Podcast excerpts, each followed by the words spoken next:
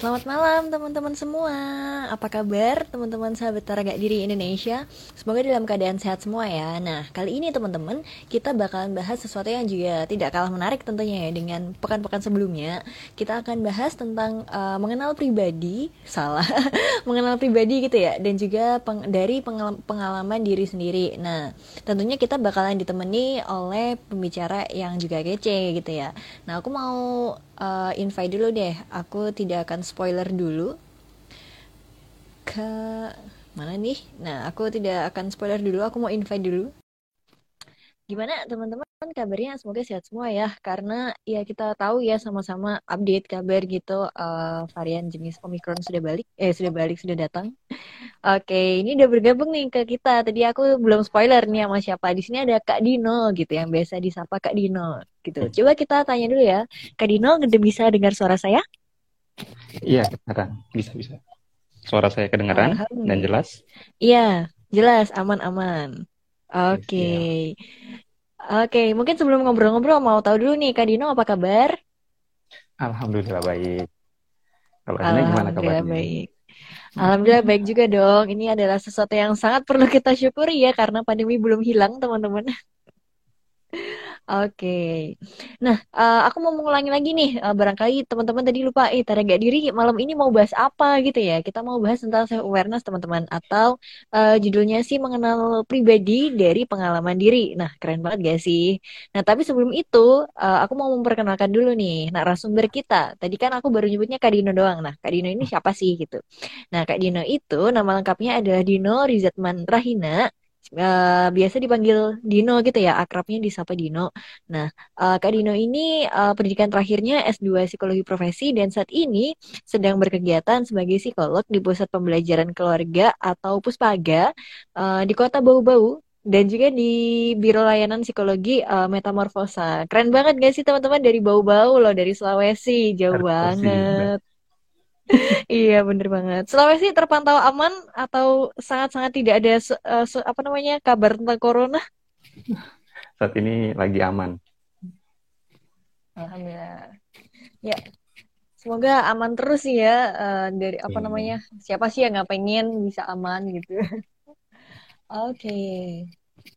Nah, uh, seperti temanya ya, Kak, Kak Dino, kita mau bahas tentang self awareness nih. Nah, mungkin kalau anak-anak psikologi udah tahu banget pasti self awareness apaan nih. Cuman ya, ini kan kita mau membagikan informasi gitu biar orang-orang tuh makin ngeh dengan kesehatan mental. Jadi, mungkin Kak Dino bisa bagi nih self awareness itu apa sih? Oke, jadi selamat malam kepada semuanya untuk materi malam ini kita memang diskusinya tentang self awareness. Jadi itu kalau dalam bahasa Indonesianya kita sendiri itu mengenal dengan kesadaran diri. Di mana kesadaran diri ini adalah suatu kemampuan kita dalam memahami perasaan kita, pikiran kita, perilaku kita, serta bagaimana kita nantinya untuk bisa mengevaluasi diri kita.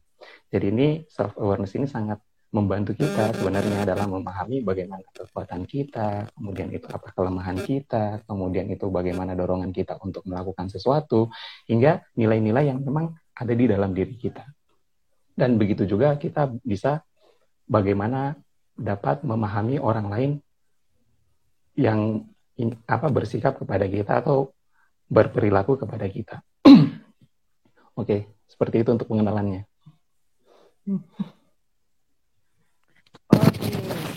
Wow, nah ini ya teman-teman uh, mengenali sebenarnya kita itu seperti apa sih, termasuk juga mengenali orang lain itu uh, bersikap seperti kita, kita ya kita memahami atau tidak gitu ya bahasanya. Wow, ini nah. sangat menarik ini. Ini kayaknya kedengarannya simple ya Kak Dino, tapi ini susah ini. Oke. Okay.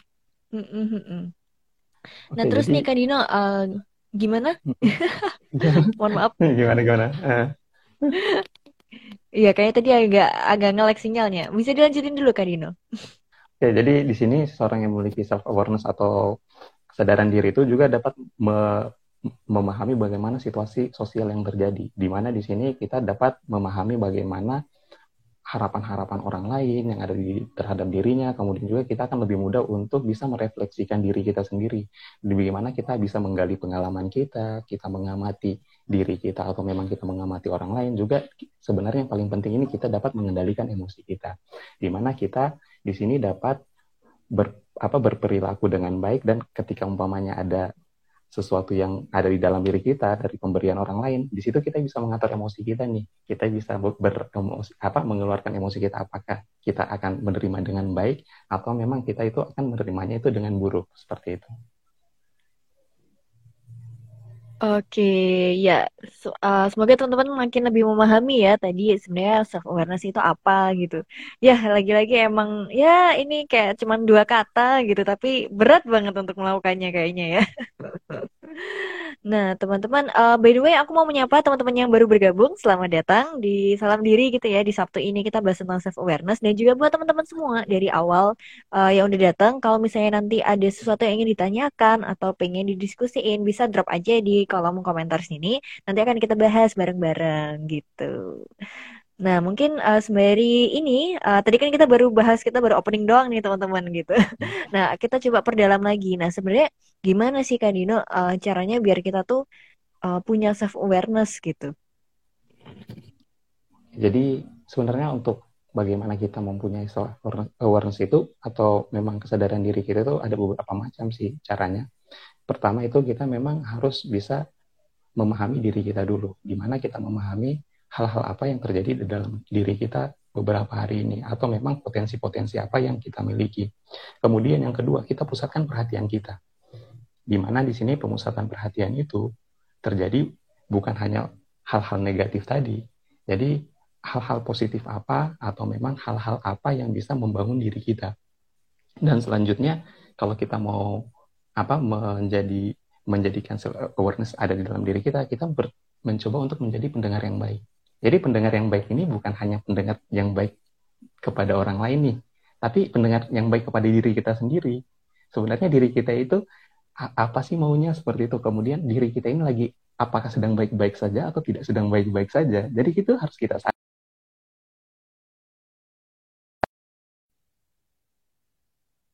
juga sih saya tidak sedang baik-baik saja. Kemudian kita juga pendengar diri apa kepada orang lain kayak begitu. Selanjutnya pintar-pintarnya kita itu bagaimana kita mengevaluasi diri kita. Di sini kita mengevaluasi diri kita ya secara singkatnya memang hal-hal apa yang memang menjadi potensi kita, kemudian hal-hal apa yang menjadi apa yang bisa kita banggakan di diri kita seperti itu. Kemudian selanjutnya itu yang paling sering juga saya lakukan itu membuat journaling pribadi. Dalam artian di sini membuat suatu tulisan-tulisan apa yang saya pikirkan, hal-hal apa yang ingin saya capai, hal-hal apa yang terjadi hari ini, dan hal-hal apa yang memang hari ini saya sedang dalam artian yang membuat emosi saya itu negatif atau yang membuat diri saya itu memang ah, tidak berdaya atau memang hal-hal apa yang menjadi cobaan untuk hari ini seperti itu. Jadi salah satu journaling ini memang sangat membantu juga. Jadi memang ada beberapa apa beberapa ini beberapa cara dan yang terakhir itu kita itu berusaha mendengarkan pendapat orang lain terhadap kita. Nah, ini yang sangat ya mungkin susah-susah gampang sih. Karena begini, karena tidak semua orang ketika seumpama nih kita diomongin nih, kita akan baik-baik saja seperti itu. Pasti kita kadang meledak-ledak juga. Ih, ngapain sih orang itu membicarakan saya? Padahal kita tidak tahu. Mungkin itu memang benar terjadi kepada kita. Seumpama, ih, Kak Dino itu kikir kayak gitu. Tapi saya nggak pernah kikir lah. Tapi mungkin itu yang terjadi di dalam kehidupan saya sehari-hari. Jadi ketika saya mendengarkan pendapat orang lain, tidak serta-merta saya denial ah, atau saya menolak bahwa oh ternyata bukan itu yang terjadi kepada diri saya, tapi itu menjadikan bahan evaluasi, eh, bahan evaluasi diri saya. Oh hal-hal inilah ya, pokoknya saya ini oh, seperti ini, kemudian oh ternyata orang itu beranggapan bahwa seperti ini, dan hal itulah yang menjadikan bagaimana kita itu dapat menjadi salah satu indikator bagaimana kita ya menyadarkan diri kita oh mungkin ada hal-hal ini adalah hal-hal yang memang menjadi suatu kelemahan di diri saya seperti itu. Oke, luar biasa banget. Banyak banget nih ya teman-teman. Uh, sebenarnya ini hal-hal yang simple gitu. Apa namanya tentang self awareness ini gimana kita mengenali diri sendiri. Tapi mungkin ini perlu uh, latihan dan juga uh, tidak banyak orang tahu gitu ya gimana caranya. Ini menarik hmm. banget sih Kak Dino. Tapi aku penasaran Kak Dino, uh, yang bagian tadi uh, kita coba mengenali diri sendiri, uh, apakah kita sedang baik-baik saja atau tidak, nah gitu. Atau mungkin sekarang ini ya uh, sering sering banget ada perkataan it's okay not to be okay. Nah, tapi kalau misalnya itu kan banyak orang yang kayak dari dalam diri juga menolak, eh aku nggak mau kenapa-napa gitu. Nah, kalau misalnya gitu gimana dong Kak Dino? Oke. Jadi kalau untuk seperti itu memang manusiawi sih kalau orang sering kayak gitu. Karena kenapa? Di sini sebenarnya dari proses kejadian yang seperti itu kita harus belajar juga kepada diri kita bahwa pertama itu kita harus jujur kepada diri kita. Kenapa saya bilang kita harus jujur kepada diri kita? Karena segala sesuatu yang kepada yang ada di da dalam diri kita itu jangan semuanya itu kita manipulatif atau manipulasi. Jadi itu seumpama nih saya memang tidak bisa menolak suatu keingin apa keinginan orang lain kayak gitu. Maksudnya saya hanya bilang iya iya saja, tapi saya tidak tahu apakah itu memang berdampak baik atau kepada saya atau tidak. Jadi hal itu memang kita harus sadari bahwa apakah memang ketika ada orang minta tolong sama kita dan kita selalu mengiyakan itu apakah baik pada diri kita. Padahal kita juga mungkin di dalam keseharian kita mungkin punya punya apa? punya kegiatan yang memang itu lebih penting bagi kita kayak begitu urgent lah bagi kita. Nah, jadi prioritas bagi kita. Jadi yang kedua kita itu kita ketika kita harus jujur kemudian kita harus sadar juga bahwa segala sesuatunya itu memang kita itu ada porsinya ada batasannya kayak gitu. Jangan memaksa diri kita untuk selalu melakukan sesuatu yang memang di luar kehendak kita atau batas kita kayak begitu. Kalau memang kita sudah lelah ya istirahat dulu kayak gitu. Kalau kita sudah istirahat ya kalau umpamanya sudah cukup kita lanjut lagi kita melakukan hal-hal apa yang terjadi apa yang kita akan ingin lakukan. Kemudian selanjutnya memang di kesadaran diri juga ini kalau memang kita jujur kepada diri kita kemudian kita sadar yang selanjutnya itu memang kita itu ya pada akhirnya di sini kita harus lebih maksudnya memahami diri kita bahwa sebenarnya kita ini punya ruang untuk diri kita sendiri juga. Dalam artian memang diri kita ini harus memang selalu diperhatikan kayak gitu. Jangan memperhatikan orang lain terus kayak begitu. Jadi memang sebenarnya kita harus menyiapkan spasi untuk diri, eh, space atau tempat untuk diri kita sendiri. Bagaimana di situ kita bisa untuk menemukan hal-hal apa yang memang ada di dalam diri kita dan memang itu kebutuhan kita, bukan selamanya kita mengikuti kebutuhan orang lain atau perkataan orang lain seperti itu. Oke, ini udah pembahasan berat-berat bikin merenung gitu ya. Iya, benar. Oke, benar-benar. Eh, nah, tapi apa namanya tadi kan udah sempat disinggung juga sebenarnya ya Kak Dino. Uh, kita mengenali diri, kita juga perlu tahu diri kita seperti apa untuk kita bisa evaluasi diri. Nah, tapi sebenarnya mungkin uh, teman-teman juga belum terlalu ngeh dengan term yang namanya self evaluation ini. Nah, sebenarnya apa sih itu uh, self evaluation Kak Dino? Oke, jadi self evaluation atau bahasa Indonesia kita sering kenal dengan penilaian terhadap diri kita. Di mana penilaian diri kita ini adalah suatu suatu apa suatu kegiatan di mana kita itu bisa menilai secara objektif diri kita. Di mana di sini se semua yang terjadi kepada kita itu kita mencoba memberikan penilaian yang memang itu hal-hal yang objektif dan memang itu yang benar-benar terjadi kepada diri kita. Hal ini sangat penting. Kenapa saya bilang sangat penting? Ini untuk bagaimana kita bisa mengatur pencapaian-pencapaian kita ke depannya. Apa target-target kita ke depannya. Dan memang hal ini juga sangat penting. Saat apa? Ketika kita di sini ingin melihat, oh ternyata kekurangan saya itu seperti ini. Kekurangan saya. Kemudian, oh ternyata kelebihan saya seperti ini. Dan kemudian selanjutnya hal ini kenapa sangat penting di, dilakukan self evaluation itu sebenarnya membantu kita juga untuk bagaimana kita kita itu untuk bagaimana nantinya bertindak. Jadi itu bisa menjadi arah atau peta kita dalam kehidupan kita. Sehingga ketika kita memang dulu mendapatkan dapatkan apa namanya suatu ganjaran atau pengalaman yang jelek, di situ kita bisa belajar nih. Oh, dulu saya ketika melakukan seperti ini ternyata ada hal-hal yang memang tidak efektif yang saya lakukan. Sehingga dari situ ketika kita evaluasi kita mendapatkan jawaban di situ sehingga oh ke depannya ketika saya mendapatkan situasi seperti ini, ketika saya dapatkan masalah seperti ini, saya dapat melakukan hal-hal baru untuk yang saya lakukan untuk bisa mencapai target atau tujuan saya. Seperti itu singkatnya. Oke, okay, wow, ternyata banyak banget ini uh, gunanya dari self evaluation. Aku juga baru nggak teman-teman serius.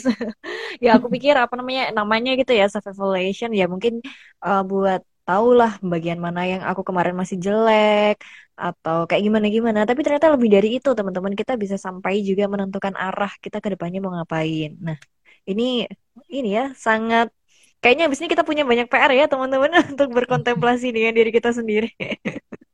Oke, nah uh, aku mau mengingatkan lagi ya ke teman-teman semua, uh, kita di sini pengen ngobrol bisa dua arah gitu, jadi nggak cuma aku sama Kak Dino.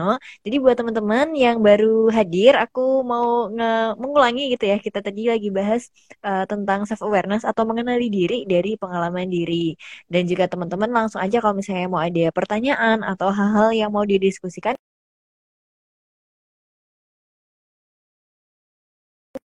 Oke, uh, kita kembali ke topik gitu ya, back to topik. Kita lagi bahas tentang self evaluation dan ya, uh, ya ini banyak lah yang perlu kita lakukan. Nah, uh, kalau Kak Dino sendiri nih, coba ya kita kita mungkin belajar dari diri kan judulnya kita uh, belajar dari pengalaman diri sendiri. Kalau Kak Dino sendiri pernah nggak sih ada suatu pengalaman uh, terkait ya mungkin self evaluation atau mungkin dari self awarenessnya dulu gitu? Oke, saya menceritakan memang beberapa minggu ini saya melak saya ternyata itu sudah melakukan self awareness ini kayak gitu.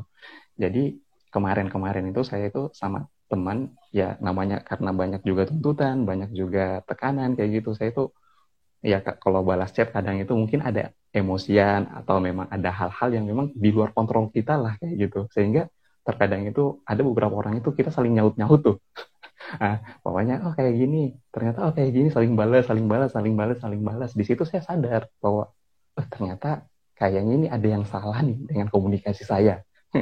Karena hal ini mungkin yang menjadikan ini oh, banyaknya tekanan, kemudian pekerjaan yang menumpuk kayak gitu, kita juga menerima emosi dari orang lain, sampah dari orang lain kayak gitu, sehingga ternyata perasaan hati saya atau suasana hati saya juga kacau kayak gitu. Sehingga yang saya lakukan itu, ah, saya ketemu ini teman-teman saya, beberapa orang teman saya, saya bilang, kayaknya kita ketika apa chatting atau ketika kita berkomunikasi ada yang salah deh kayak gitu. Iya nih saya sebenarnya mau nyampaikan sama kamu Din kayak gitu. Nyampaikan gimana kayak gitu. Saya bilang, oh ternyata selama ini kayaknya kamu emosian deh. Saya bilang, ya mungkin kita sama-sama emosian. Iya saya juga emosian. Banyak tekanan, banyak ini. Sehingga di situ ternyata memang mengkomunikasi kalau dengan orang lain ya kita harus bisa pintar-pintar mengkomunikasikan kayak gitu. Jangan ah kayaknya dia yang salah nih kayak gitu. Jangan kayak gitu. Kita harus memang menyiapkan space kepada diri kita bahwa oh, ternyata kita harus menyiapkan waktu meluangkan waktu untuk mengkomunikasikan kembali hal-hal apa nih yang memang menjadi keter ke, apa keterbatasan ini. Karena kenapa? Ketika memang hal itu terjadi bagi saya ya deadline saya umpamanya kita kelompok itu ya terhambat kayak gitu. Kenapa terhambat? Karena memang komunikasi kita ini ya udah tidak sehat lagi kayak gitu. Sehingga di situ saya sadar bahwa oh saya salah nih komunikasinya. Kalau umpamanya saya lagi emosian, memang lagi tekanan tinggi, kemudian lagi banyak sampah, sebisa mungkin ya kita itu menyiapkan waktu dulu, waktu luang dulu untuk 10 menit, 5 menit. Kalau dalam psikologis, biasa kita itu meditasi atau memang kita refleksikan dulu diri kita, tarik nafas dulu, kayak gitu. Kalau memang itu ada waktu ibadah, mungkin kita ibadah dulu deh, kayak gitu. Jangan langsung dibales nih, kayak gitu. Sehingga kita menyiapkan spasi, menyiapkan ruang untuk bagaimana penerimaan kita terhadap orang lain itu ya di situ bisa lebih baik sehingga kita ketika memberikan respon itu juga tidak menyakiti orang lain ya gitu ya apalagi namanya pesan itu ya karena kita setiap orang itu pasti memiliki cara cara tersendiri untuk bagaimana kita mengartikan atau bagaimana kita mengertikan suatu kata-kata yang memang orang lain sampaikan. Jadi begitu. Jadi memang kesadaran diri ini sangat penting deh. Jangan tunggu setahun sekali deh kalau bisa kayak gitu. kalau perlu per hari kita melakukan kesadaran diri. Kira-kira hari ini apa deh yang salah sama saya? Kemudian apa hari ini yang memang membuat saya itu tidak bisa untuk bangkit kayak gitu. Apa yang memang saya terjadi kepada suasana hati saya hari ini seperti itu. Kalau memang capek ya akui bahwa saya lagi capek istirahatlah kayak gitu jangan sungkan-sungkan ketika umpamanya di situ kita membutuh pertolongan kepada orang orang lain kita sampaikan kayak gitu Mas atau Mbak bisa nggak tolong saya saya ini mau curhat dulu deh terkait masalah saya deh kalau memang nggak bisa ya ke psikolog kayak gitu cari orang-orang profesional bukan hanya psikolog ya kemudian cari dokter spesialis jiwa pertolongan profesional lah intinya seperti itu. Oh, luar biasa banget Kak Dino. Semangat, semangat. You are a strong man. nah, mungkin dari apa namanya cerita Kak Dino tadi, uh, kita ke trigger gitu, ke trigger dalam artian uh, gimana sih sebenarnya step-stepnya mungkin ya kalau ada atau mungkin how to-nya untuk uh, melakukan self evaluation. Sebenarnya tadi kan uh, Kak Dino udah menceritakan gitu pengalaman pribadinya. Nah, tapi mungkin betul, kalau betul. mau secara teoritis, nah itu tuh gimana? Ini buat gambaran nih. Soalnya kita biasanya Kak Dino belajar itu kan kayak langsung dikasih tahu caranya gini gini gini gini gitu. Cuman kan jadi nggak kebayang gitu. Nah, makanya kalau dibalik ini sepertinya akan jadi pola belajar yang lebih asik gitu. Oke. Jadi pertama itu kalau kita melakukan self evaluation, sebenarnya di mana-mana itu kita harus sadar. Nah, kita harus sadar bahwa sebenarnya saya itu butuh juga waktu untuk bisa merenungkan atau memang butuh waktu bagaimana saya bisa menyiapkan di mana di situ saya melihat atau merefleksikan diri saya. Kemudian yang kedua setelah kita sadar kita harus jujur. Nah, jujur di sini seperti yang saya sampaikan di awal tadi bahwa jujur ini kita harus jujur dengan kondisi diri kita kayak gitu. Kalau memang di satu minggu belakangan ini saya memang contoh kayak saya tadi komunikasinya salah, ya itu harus saya tulis bahwa oh ternyata saya ini salah di. Kalau saya biasa buat journaling ya, maksudnya di sini buat tulisan kayak gitu. Setiap hari saya buat tulisan. Oh saya salah nih. Bahwa oh kayak begini. Ketika saya jujur namun jujur juga ini bukan hanya kesalahan-kesalahan kita tapi hal-hal positif apa yang kita bisa lakukan. Seumpama oh hari ini saya umpamanya umpamanya nih ini bukan juga dia. Oh hari ini saya telah berbuat baik dengan melakukan sedekah kayak gitu. Oh, kita untuk meningkatkan hal itu juga kan nggak apa-apa kita tuliskan. Tapi kan itu namanya journaling kan untuk diri kita Nah, kemudian ketika kita jujur, kemudian itu kita ini harus bisa mengeva apa bisa me melihat hal itu. Maksudnya kita melihat di sini, oh hal ini adalah hal baik yang akan saya pertahankan, yang ini adalah hal buruk yang memang bisa saya bukan apa bukan menghindarkan secara langsung kayak gitu tidak. Tapi maksudnya saya akan kurangi intensitasnya kayak seperti itu. Yang manusiawi kita harus memang sedikit demi sedikit belajar untuk membiasakan diri kita kayak gitu. Kemudian selanjutnya setelah kita itu kita menuliskan skala prioritas kita. Nah kira-kira nih prioritas saya ini apa nih? Kayak gitu. Makanya oh besok saya harus ngajar. Besok saya harus oh belajar. Besok mau ujian dibanding saya harus mau ke mall kayak gitu mau belanja kayak gitu. Karena ini kan akhir tahun mungkin banyak dapat diskon kayak gitu. Lebih saya nabung untuk tahun depan mungkin bisa lanjut sekolah kayak gitu. Itu itu sangat baik kayak gitu. Kemudian kita lihat skala prioritas kita apa. Kemudian setelah itu memang di situ kalau saya selalu mengatakan apa pikiran yang ada di dalam diri kita kita tuliskan. Kemudian apa yang kita tulis itu kita kerjakan dan apa yang kita kerjakan itu kita laporkan. Jadi itu kalau saya metode singkat bagaimana saya membuat suatu self evaluation yang ada dalam diri saya sehingga ketika apa yang saya laporkan itu berbentuk juga mungkin kita ber, kalau saya pribadi berbentuk tulisan bahwa oh ternyata laporan ini berbentuk oh ternyata ini hal-hal baik saya langsung lihat oh ini hal baik oh ini hal buruk oh hal ini yang harus saya tingkatkan dan hal ini yang memang harus saya turunkan intensitasnya. Jadi kalau memang hal itu memang rutin kita laksanakan ya itu mungkin akan memberikan kebaikan kepada diri kita. Namun apa terlihat itu anu gampang sekali mudah sekali kayak gitu. Padahal hal itu memang sulit. Saya juga jujur saja walaupun saya seperti ini saya juga untuk intensitas apa intensitas saya untuk untuk tetap bisa bisa melakukan itu terus terus menerus kayak gitu. Ya kadang saya ya lupa lupa juga kayak gitu. Kadang juga bosen kayak gitu. Tidak selamanya hari ini saya semangat besok saya semangat nulis lagi gitu. Besok semangat. Ya kadang saya bosan ngapain saya saya tulis kayak gini? Ya sebenarnya hal itu manusiawi juga. Tapi jangan kalau bosan ya jangan terlalu sering bosan lah. Kita sadar lagi oh ternyata saya mungkin butuh pencapaian lagi. Seperti itu. Oke, ya itu cara caranya atau how to-nya gitu ya teman-teman tentang gimana sih kita mengevaluasi diri atau memberikan penilaian diri bahasa Indonesia-nya ya. Jadi kita perlu melakukan refleksi dulu sama diri kita sendiri, terus kita perlu yang perlu di highlight banget kita harus jujur sama diri sendiri gitu ya sama diri sendiri masa nggak jujur gitu ya nggak ada orang lain yang tahu cuman kita sendiri jadi nggak jangan takut untuk jujur sama diri sendiri gitu ya kan Dino Iya, benar sekali. Iya. Terus sekalian teman-teman ditulis uh, apa yang tadi hasil refleksi kita, terus buat skala prioritas, dan mungkin kalau emang bisa gitu ya, journaling sekalian kayak tips uh, tipsnya Kak Dino tadi.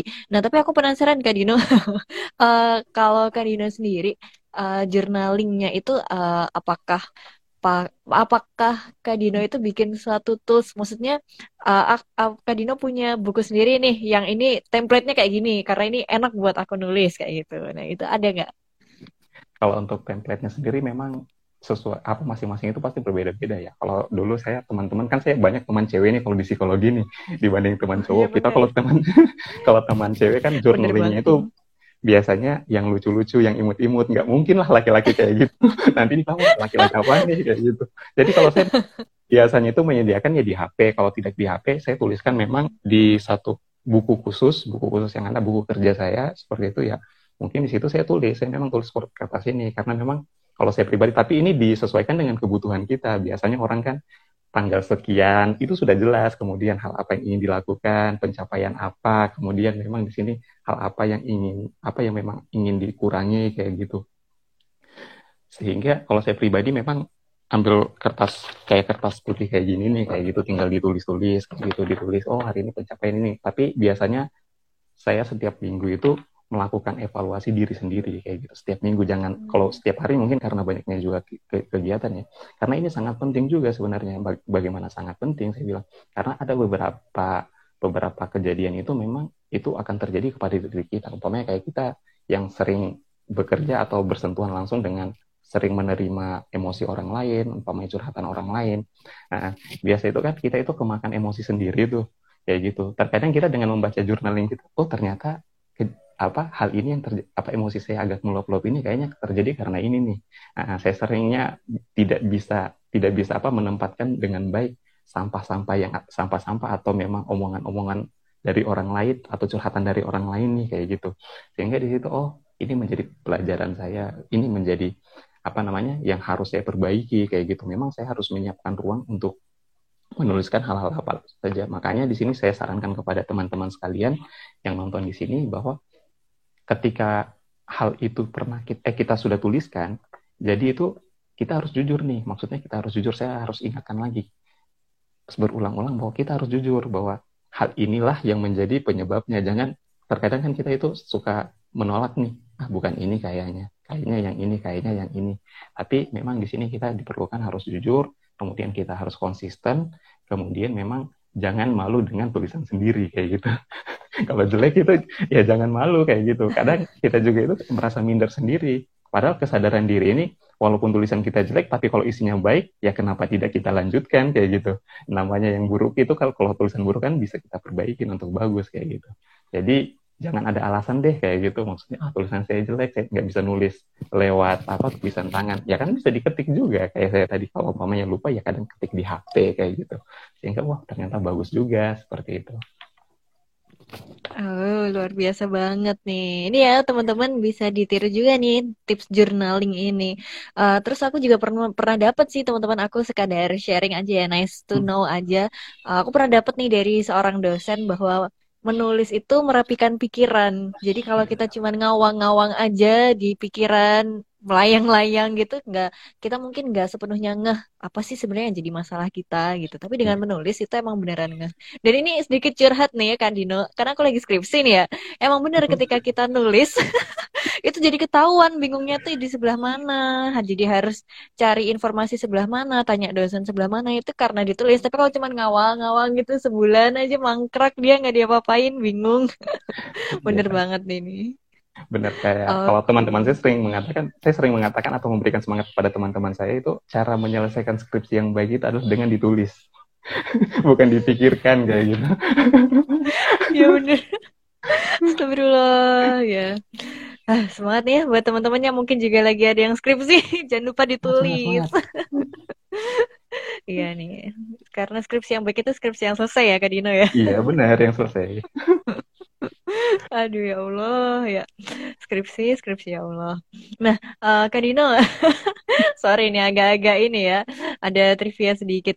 Uh, Sebenarnya kaitannya nih, kaitannya antara self awareness dan juga self evaluation itu apa sih? Sebenarnya tadi udah spoiler juga sih, cuman mungkin bisa di hmm. dijelaskan lebih detail gitu. Jadi sebenarnya ketika kita bisa menilai diri kita, berarti di situ kita bisa mengevaluasi diri kita. Nah, karena kenapa saya bilang seperti itu? hal ini kan saling berkaitan, sangat berkaitan. Namanya kita sudah nilai, masa kita nggak bisa evaluasi? Nah, ketika kita ujian saja kan itu proses penilaian. Setelah proses penilaian itu kita hasilnya evaluasinya itu nilainya kita seperti ini. Begitu pula di dalam diri kita. Ketika memang kita sudah menilai diri kita seperti ini, kemudian oh ternyata kita mengevaluasinya sehingga yang perlu kita lakukan itu adalah memang di sini kita harus me menjalankan memang hal-hal apa yang memang perlu kita jalankan seperti itu. Dalam artian di sini kalau memang kita evaluasinya kita jelek itu ya bagaimana diri kita itu untuk bisa menyiapkan waktu kembali untuk memperbaiki hal-hal buruk tadi, hal-hal jelek tadi, sehingga itu bisa diperbaiki ke kemudian hari. Kemudian itu ketika memang kait, kenapa dia bisa berkaitan lagi, kemudian di sini kita harus mencari benang merahnya lagi.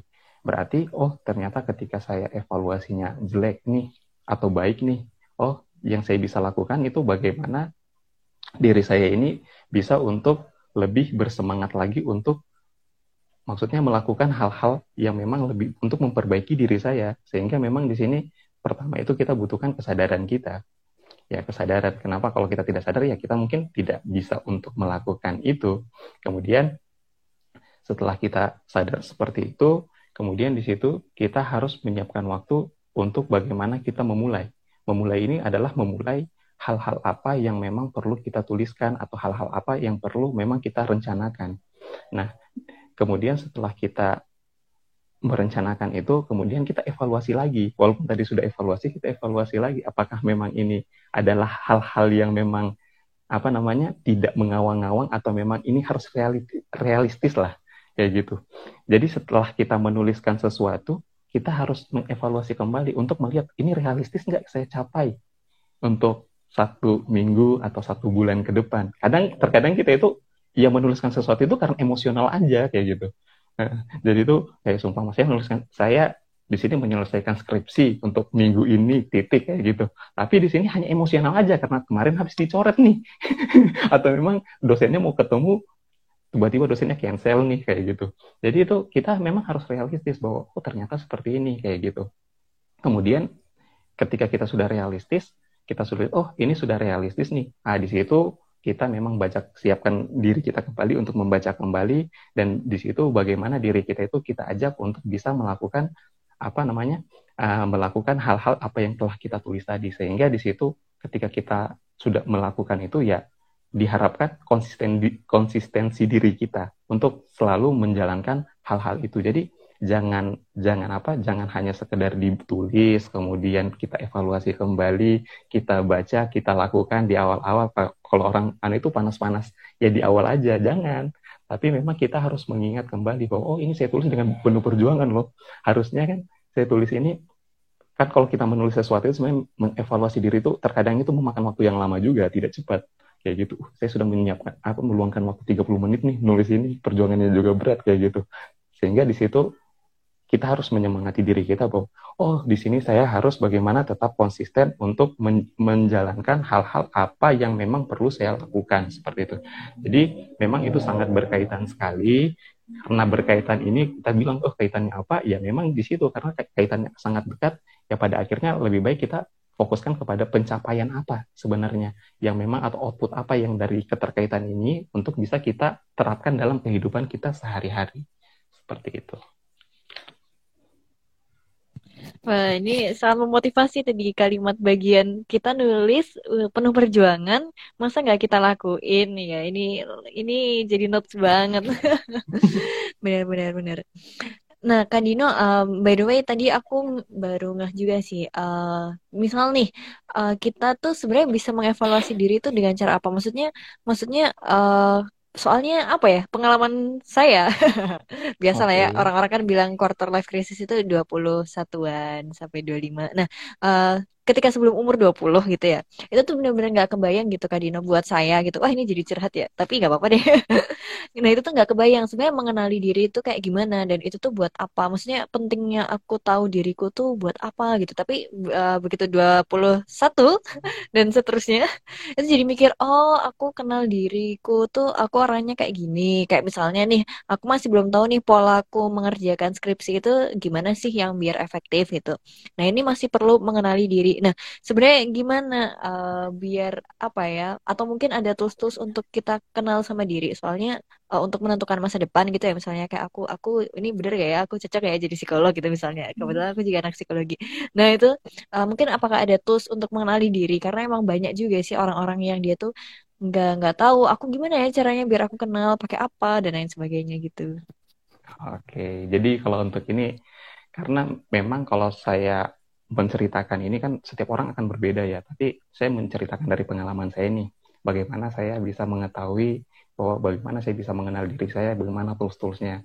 Jadi itu pertama-tama saya dulu itu ya kebayang lah. Memang sih ketika kita sebelum umur 20 tahun itu kita nggak mau memikirkan evaluasi dulu itu pentingnya apa sih kayak gitu.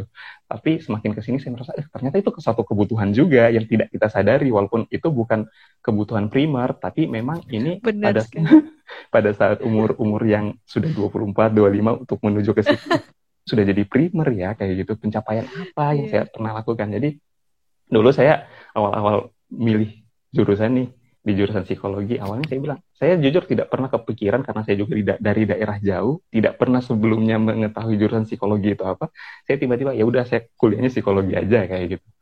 Pas setelah psikologi masuk ternyata kayak gini kayak gitu kayak gini. Jujur aja dulu itu nilaiku itu nggak sampai di awal-awal semester itu jelek sekali lah kayak gitu. Mungkin orang tidak percaya terserah tapi gitu. Tapi pada akhirnya di situ memang di umur ya di semester 2 lah. Di situ saya mengevaluasi diri atau saya sadar bahwa oh ternyata saya jauh-jauh ke Jawa saya kuliahnya di Jawa. Jauh-jauh kuliah di, dari atau dari rumah kayak gitu. Tapi memang tidak ada yang saya hasilkan. Dan memang harus saya ketika di sini saya sukses kayak di situ. Jadi di situ di umur-umur segitu itu memang kayaknya harus kita mempunyai masalah dulu deh baru kita tahu oh ternyata saya harus apa saya harus mengevaluasi diri saya langkah saya sudah benar atau enggak kayak gitu sehingga di situ sudah bisa saya evaluasi oh ternyata saya harus lanjut atau tidak. Ketika saya pulang saya menentukan saya lanjut. Ketika saya lanjut saya harus terima konsekuensinya. Suka nggak suka saya harus pelajari mulai hari ini. Kayak gitu. Karena kalau dosen saya dulu bilang kan begini segala sesuatu yang kita ingin mulai itu yang pertama kali kita lakukan harus kita cintai dulu kayak gitu. Kalau kita sudah cintai kalau kita memang sudah memang cintai, ya pasti perjalanannya walaupun itu gelombangnya tinggi, walaupun di situ ada gempa, walaupun di situ ada ada hal-hal apa, di situ pasti bisa kita selesaikan kayak gitu. Nah setelah itu berlanjut kayak gitu udah lulus, saya jujur dulu itu saya konsentrasinya saat ini klinis kayak gitu. Nah, dulu itu saya ah ngapain sih orang klinis? Jujur waktu S1 itu saya nggak pernah mau ke rumah sakit jiwa kayak gitu. Ngapain sih klinis itu? Masa ya dulu ya awam ya, mohon maaf ya sebelumnya. Dulu saya berpikir ah ngapain sih? Di situ kan banyak orang sakit jiwa. Nanti jangan sampai saya juga sakit jiwa. Lebih di Pio aja kayak gitu. Kan banyak dapat duit nih kayak gitu. saya sempat kepikiran kayak gitu. Wah, tidak salah. ya, jadi saya pada saat itu masuk di Pio ketika lulus Pio apa segala macam di situ. Tapi saya bosen kayak gitu saya evaluasi diri kayaknya saya nggak cocok oh. di Kio walaupun memang di situ mungkin pada saat itu saya bilang itu passion saya kayak gitu nah, pas masuk di situ ih kayaknya saya nggak nggak di situ deh kayak gitu. Di situ saya merenung diri kayak gitu. Oh, ternyata di situ saya harus masuk di ya ya di jurusan yang memang yang memang dulu itu yang saya anggap adalah passion saya kayak gitu. Tiba-tiba ya lagi-lagi di situ saya melakukan evaluasi kepada diri saya. Oh ternyata di sini. Lagi-lagi ketika saya masuk di suatu alam yang baru bagi saya atau situasi yang baru bagi saya, di situ saya selalu mengingat cintailah apa yang telah kamu pilih kayak gitu. ketika oh saya mencintai apa yang saya pilih di situ awalnya berat sih susah sih kayak gitu. Maksudnya ah apa sih? Dapatnya faal lagi faal lagi kayak gitu. Mungkin orang psikologi tahu lah ketika pelajaran faal kayak gimana kayak gitu. Mungkin kalau di pelajaran di umum itu oh matematik lagi hitung-hitung lagi hitung-hitung lagi kayak gitu. Nah, kayak pomok yeah. besar gitu. Padahal di situ memang ilmu dasar kalau di psikologi ya klinis ya ilmu dasar sekali lah. Dan itu memang perlu kita pahami. Di situ ah buka buku lagi belajar lagi. Jadi butuh ekstra lagi waktunya harusnya istirahat ya gitu. Tapi buka buku buka buku buka buku belajar belajar kembali. Ya pada akhirnya gini, segala sesuatu yang kita anggap terlambat, tapi kalau kita konsisten mencari waktu untuk kita bisa isi atau bisa kita kejar, itu pasti bisa kita dapat kayak gitu. Nah, sehingga pas di situ ya satu semester lah saya kuliah di situ, saya langsung merasa bahwa ah di sini di jurusan saya nih, saya di sini nyaman nih. Padahal itu satu semester sebelumnya ya saya merasa bahwa ini dan di situ saya sadar ternyata di sini ada potensi saya kayak gitu.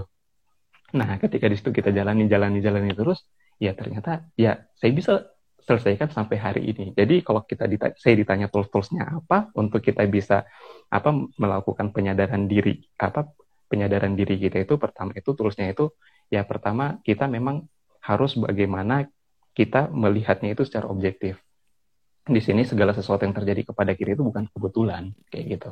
Tapi di sini bisa jadi adalah hal yang memang kita dulunya pilih kayak gitu. Secara tidak sadar dulu saya pernah pilih atau tidak sadar itu di alam bawah sadar kita mungkin kita merasa hal ini adalah kecenderungan saya dulu. Sebenarnya keinginan saya seperti ini tapi ini. Kemudian yang kedua ketika kita memang sudah berpikir objektif dengan apa yang kita pilih kemudian itu kita memang itu tadi yang saya bilang kita harus cintai. Nah kita harus cintai kita jalani dengan baik. Karena gini apa pun yang telah kamu pilih kamu pilih kamu harus bertanggungjawabkan kayak gitu jadi kalau memang kita pilih untuk masuk di jurusan A atau profesi A atau pekerjaan A kita harus selesaikan kayak gitu jadi begini jangan kita siapkan waktu untuk menjelek-jelekan apa yang telah kita pilih kayak gitu.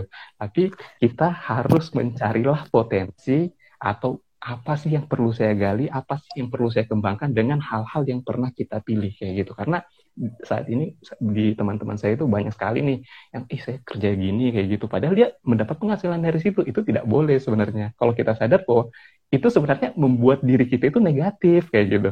Nah, jadi sebisa mungkin ketika saya kerja di sini ya kita harus sabar dulu nih. Kita ya namanya segala sesuatu yang kita lakukan kan harus kita berproses kayak gitu.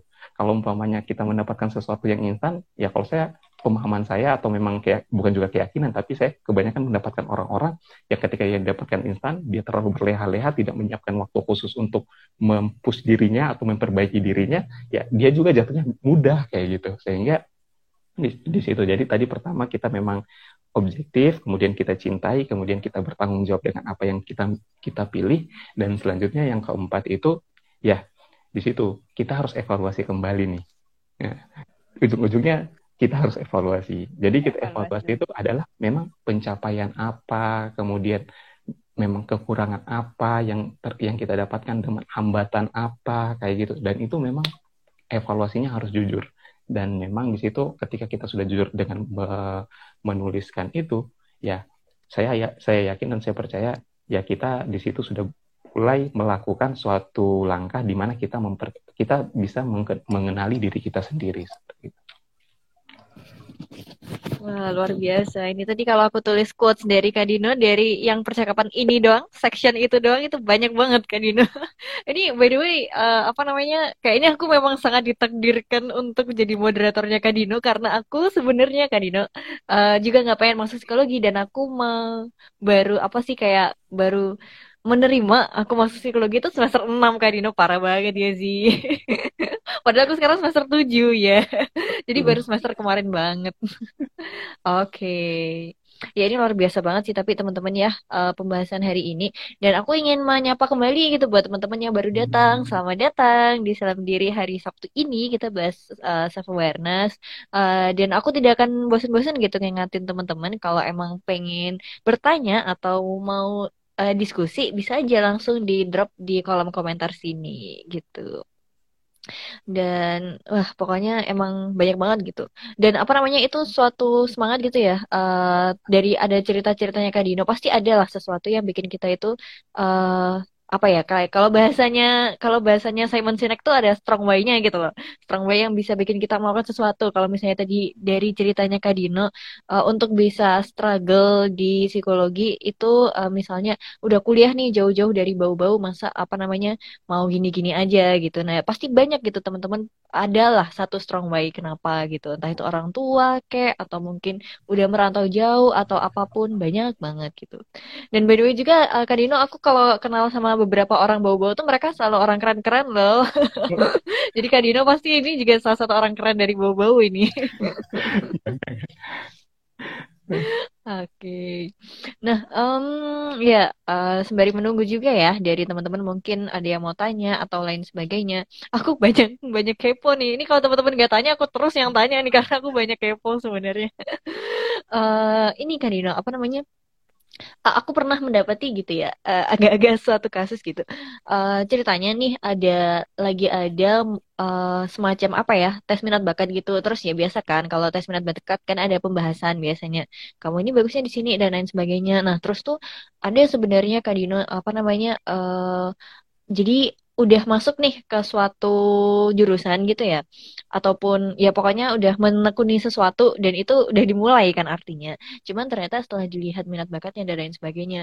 Dan memang dari dalam dirinya sendiri itu dia tuh kayak eh, nggak uh, nggak terlalu cocok di tempat yang dia udah tempati. Nah uh, gimana sih caranya Kak Dino untuk kita tuh mengerti batasan gitu antara ini memang jalan kita atau kita tuh sebenarnya disuruh cari lagi nih gitu sama Allah gitu sama Tuhan gitu untuk ayo jalanmu yang mana? Cari lagi cari lagi gitu. Nah itu gimana Kak Dino untuk tahunya ya jadi kita tahu sebenarnya gini memang untuk batasan kita itu menyadari hal itu memang agak sulit ya kayak gitu. Karena terkadang kita bilang kayaknya ini cobaan kita deh kayak gitu.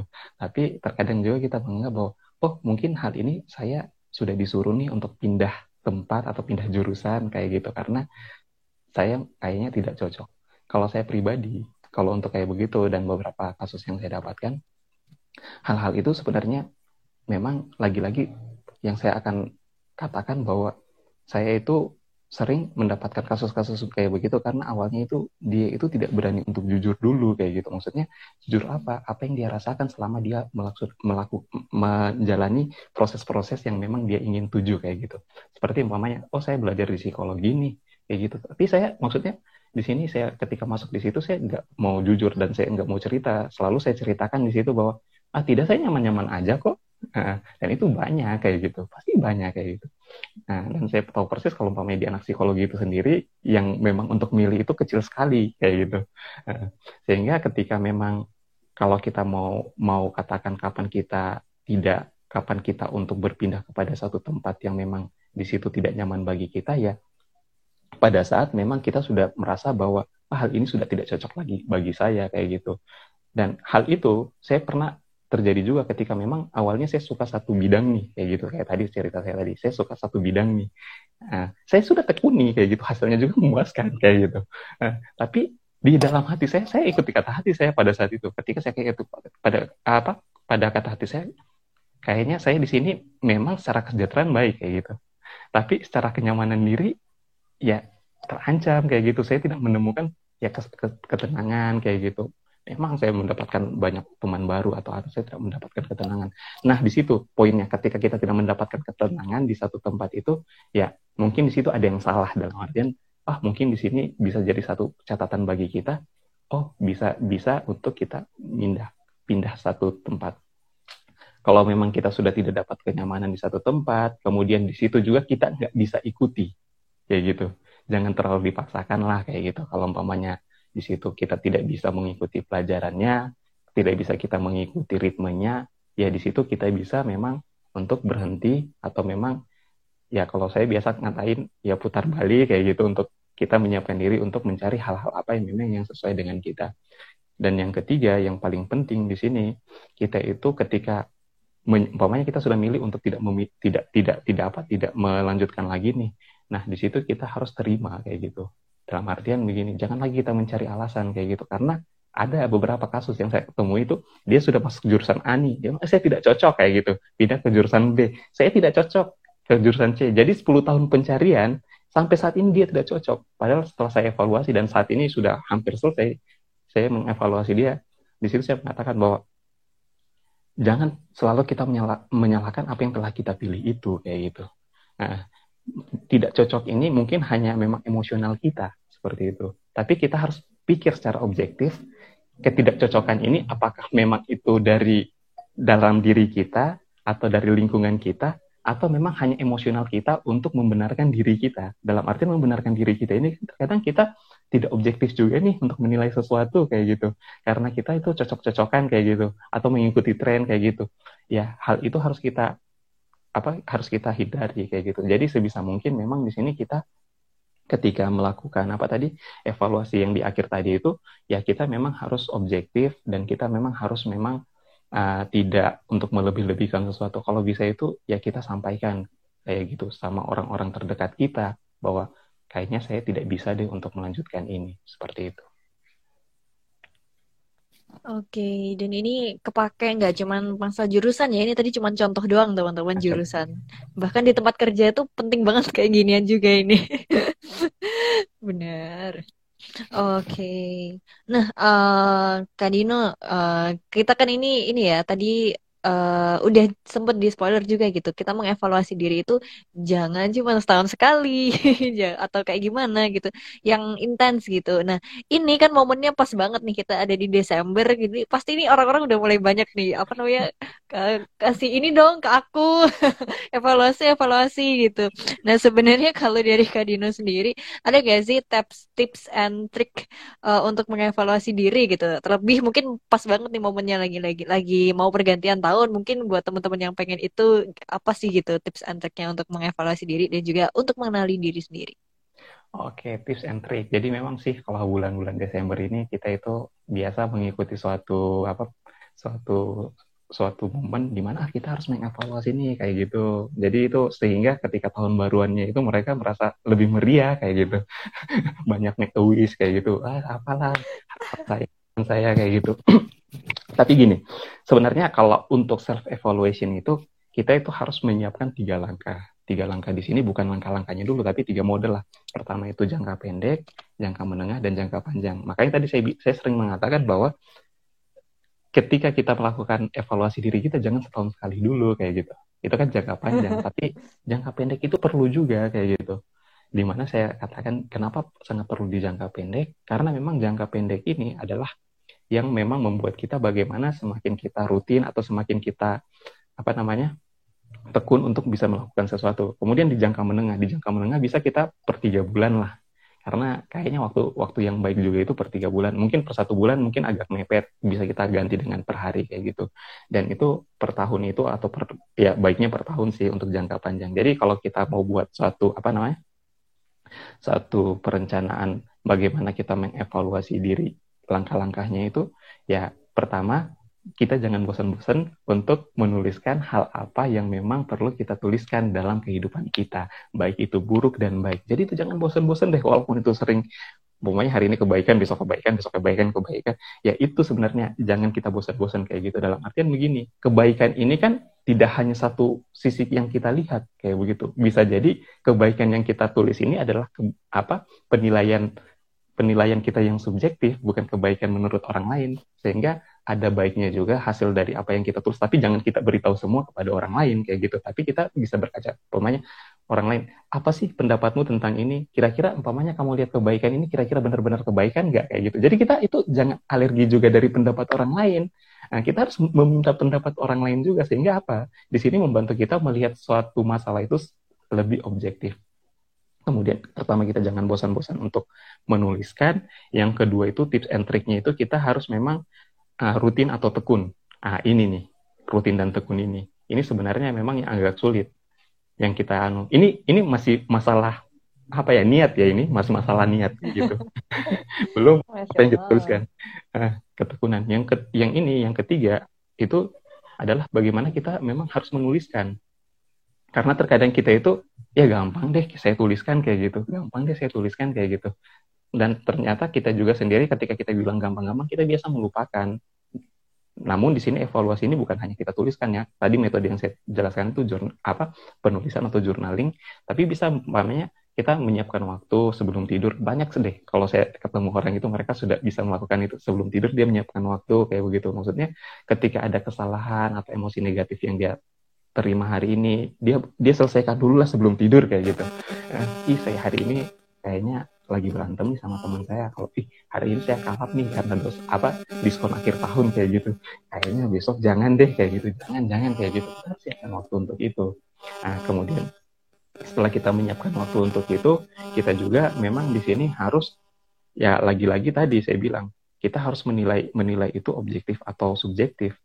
Dalam artian di sini apa yang kita lakukan itu ya harus memang objektif apa penilai eh, penilaian kita harus objektif. Jangan subjektivitas terus terhadap terhadap sesuatu. Kalau kita subjektif ya bisa-bisa walaupun kita tulis berlembar-lembar biar kita merencanakan banyak sekali itu bisa hasilnya nol. Kayak gitu. Sehingga di sini kejujuran itu sangat sangatlah penting kayak begitu. Dan selanjutnya itu begini. Setelah kita menulis itu kita juga di situ harus tahu kelemahan diri kita apa. Nah, ini sangat penting kita mengetahui kelemahan diri kita. Karena kenapa? Ya, ketika kita tahu kelemahan diri kita, mungkin di situ kita mendapatkan hambatan untuk bagaimana kita mencapai sesuatu. Sehingga ketika kita kita tahu apa kelemahan kita, nah di sini kita bisa memprediksikan, oh hambatan saya yang akan saya hadapi yang ini, seperti ini. Sehingga di situ sebelum kita melakukan itu, kita sudah bisa mencari hal-hal apa yang memang kita lakukan, sehingga kita bisa me, me, apa, menyelesaikan hambatan yang kita dapatkan. Begitu pula, kita harus lihat kekuatan kita. Kekuatan kita ini jangan sampai kekuatan kita ini menjadikan itu ke hal-hal negatif. Jadi itu kita harus rem nih, kita harus rem kekuatan kita itu sebisa mungkin kita arahkan kepada hal-hal positif. Setelah itu memang itu untuk per hari, kemudian kita buat tujuan kita per tiga bulan. Nah, tujuan kita per tiga bulan ini sebenarnya pencapaian-pencapaian apa? Kalau umpamanya kita lagi kuliah nih, pencapaian kita ya memang per tahun sih, dalam artian eh per semester lah kalau kita bilang oh nilai saya harus lebih tinggi kayak gitu kemudian oh kayaknya saya harus lulus 4 tahun atau tiga tahun setengah nih kayak gitu. Kemudian kalau untuk yang kerja biasa kalau yang kerja itu oh saya bisa mendapatkan jabatan seperti ini. Nah, kayak umpamanya jadi dosen kayak gitu. Kalau kita jadi, lagi jadi dosen, pencapaian saya umpamanya dua tahun lagi saya harus punya apa namanya naik lagi lah tingkatan saya dari umpamanya dari apa menjadi lektor atau menjadi lektor kepala kayak gitu. Jadi memang di situ pada akhirnya kalau kita mau bilang bahwa penilaian diri ini dilakukan buat apa, ya buat suatu pencapaian kita. Jadi itu bagaimana kita merancang pencapa untuk kita merancang bagaimana pencapaian kita karena segala sesuatu ketika perencanaannya tidak baik, evaluasinya tidak baik, pasti tujuan kita itu tidak akan kita dapatkan seperti itu. Oke. Oke, ini menarik banget ya teman-teman tips and triknya Kak Dino. Uh, sebenarnya kalau sambil dilakuin itu singkat loh teman-teman cuman yang susah bagian konsistennya ya kayaknya ya bener banget. Rutin dan tekun teman-teman. Rutin dan tekun. Nah eh, nggak uh, kerasa nih Kak Dino. Ya ampun kita ternyata udah hampir satu jam ngobrol tentang ini self awareness tentang self evaluation mungkin uh, sebagai closing gitu ya teman-teman. Uh, mungkin apakah ada gitu uh, dari Kak Dino closing statement untuk kita salam diri hari ini? Oke, jadi untuk closing statement saya untuk pertemuan kali ini, jadi gini. Jadi kita itu sebenarnya jangan jangan selalu mencari sesuatu yang tidak ada di dalam diri kita, tapi mencarilah sesuatu hal apa yang tersembunyi dalam diri kita atau potensi kita. Karena hal ini karena gimana kita sebagai manusia itu ya lebih gampang mencari perbedaan atau mencari kesalahan orang lain dibanding kebaikan diri kita kayak gitu. Nah, hal inilah yang membuat kita sebenarnya menjadikan diri kita agar kita bisa lebih lebih baik. Jadi setelah itu yang kedua itu ketika memang kita mau tulis journaling tadi, saya mengingatkan bahwa apa yang kita pikirkan itu jangan hanya sebatas di pikiran, tapi harus kita tuliskan kayak gitu. Setelah kita tuliskan, kita baca kembali tulisan kita ini. Apakah ini sesuai, apakah ini realistis, apakah ini baik. Setelah itu kita baca, kita taruh baik-baik tuh untuk kita lakukan.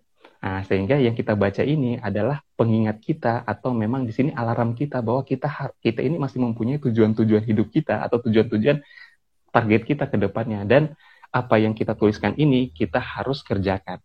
Jangan sampai tidak dikerjakan. Kalau kita kerjakan itu ya jangan banyak alasan deh kayak gitu. Kalau bisa kita kerjakan itu dengan baik setelah kita kerjakan dengan baik rutin-rutinlah kita mengevaluasi seperti itu. Oke, luar biasa banget tuh kan. Lagi-lagi ya teman-teman, pokoknya kalau sama Kak Dino itu akan ada banyak quotes dan aku tidak mau ini mengulangi lagi karena nanti kalau aku yang mengutip jadi jelek gitu kayaknya ya. Oke, terima kasih banyak Kak Dino uh, atas uh, sharing-sharingnya gitu ya. Ini bahasa Indonesia banget ya sharing-sharing. nah, uh, tentang ini ya self awareness, tentang self evaluation, semoga membantu kita semua gitu ya. Gak cuma teman-teman di Taraga Diri yang mendengarkan di malam hari ini, tapi juga buat kita sendiri, buat aku, buat Kak Dino, semoga kita bisa jadi pribadi yang lebih baik lagi ke depannya. Hmm. Gitu. Dan sebagai penutup ya teman-teman, aku mau ada pengumuman nih uh, buat teman-teman semua, sahabat Araga di Indonesia, kita lagi buka magang nih, tiga bulan dari bulan Januari besok sampai April gitu. Januari, Februari, Maret. Oh salah, sampai Maret teman-teman. Tiga bulan ya. Nah, uh, di situ kita ada cari content writer, teman-teman, ada creative designer, video editor, dan juga TikTok atau Reels creator. Nah, pokoknya buat teman-teman yang pengen magang, nambah pengalaman, nambah relasi, uh, langsung aja kepoin di IG-nya Taraga Diri Indonesia. Kalau ada yang masih dibingungin, bisa kontak aja DM IG gitu. Semangat buat teman-teman semua. Terima kasih banyak gitu ya buat teman-teman yang udah hadir. Dan juga tentunya terima kasih banyak buat Kak Dino karena udah mau berbagi ilmu yang sangat banyak ini. Semoga bisa jadi amal jariah gitu ya untuk Kak Dino gitu. Mungkin untuk hari ini seperti itu aja. Uh, tentunya kami ada kekurangan dan lain sebagainya. Kami memohon maaf buat teman-teman semua. Kami juga memohon maaf ke Kak Dino apabila ada kesalahan. Sekian buat hari ini. Semangat buat hari malam minggunya ya teman-teman. Semangat untuk aktivitasnya. Dari kami sekian. Wassalamualaikum warahmatullahi wabarakatuh. Assalamualaikum warahmatullahi wabarakatuh.